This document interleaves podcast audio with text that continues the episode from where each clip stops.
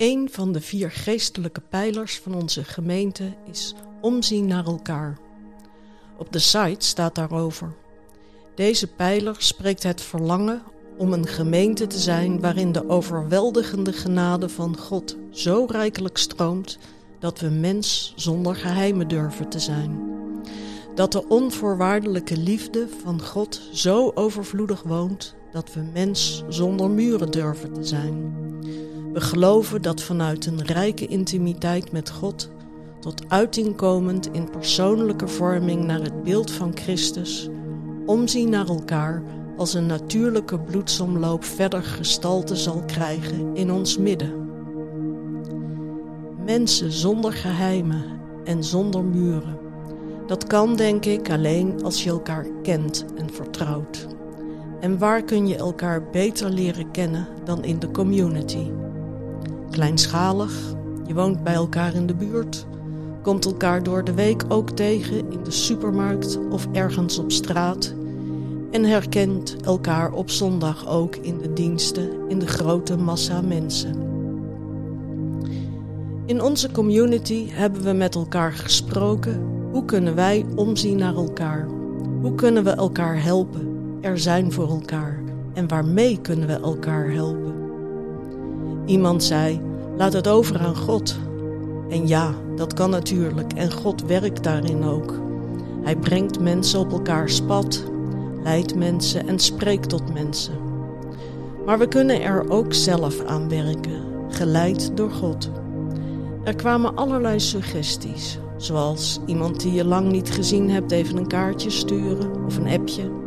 Of iemand die vertelt wat er in de komende weken staat te gebeuren, meenemen in je gebed, maar ook een keer vragen: hoe gaat het? Of hoe is het gegaan? We hebben er ook over gesproken wat we zelf te bieden hebben. Waar kunnen we iemand mee helpen of tot steun zijn? En ook, dat was heel uiteenlopend. Van praktisch iemand ergens naartoe brengen, want ik heb een auto. Of voor iemand een maaltijd koken of een klusje uitvoeren. Iemand een wandeling maken of een kop thee drinken. Of met iemand bidden. Het betekent wel dat we ook van elkaar moeten weten wat er speelt, wat iemand nodig heeft. We moeten oog voor elkaar hebben met elkaar in gesprek gaan, maar ook dingen die spelen en de vragen die we hebben delen. Wij delen in onze community dingen die ons bezighouden of vragen die we hebben in onze community app. Er zit niet iedereen in, want sommige mensen vinden de appgroep een te grote informatiebom. Dan is het belangrijk dat je de informatie die daarin komt wel aan iemand doorgeeft. Maar we moeten elkaar niet alleen digitaal ontmoeten. Een fysieke ontmoeting is ook heel waardevol. Je kunt iemand uitnodigen voor een kopje thee of koffie. Of een wandeling maken samen. Je kunt ook iemand bezoeken. Ik vond dat best lastig om mezelf uit te nodigen. Voelde als onbescheiden zijn.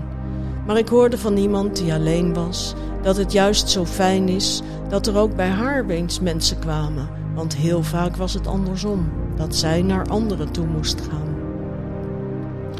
Omzien naar elkaar als natuurlijke bloedsomloop, of zoals in Galaten 6, vers 2 staat: Draag elkaars lasten, zo leeft u de wet van Christus na.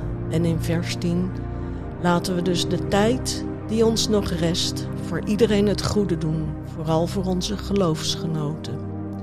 En in Filippenzen 2, vers 4 staat: heb niet alleen uw eigen belangen voor ogen, maar ook die van de ander. Hoe mooi zou dat zijn? Een gemeente, een community zijn van mensen zonder geheimen en zonder muren.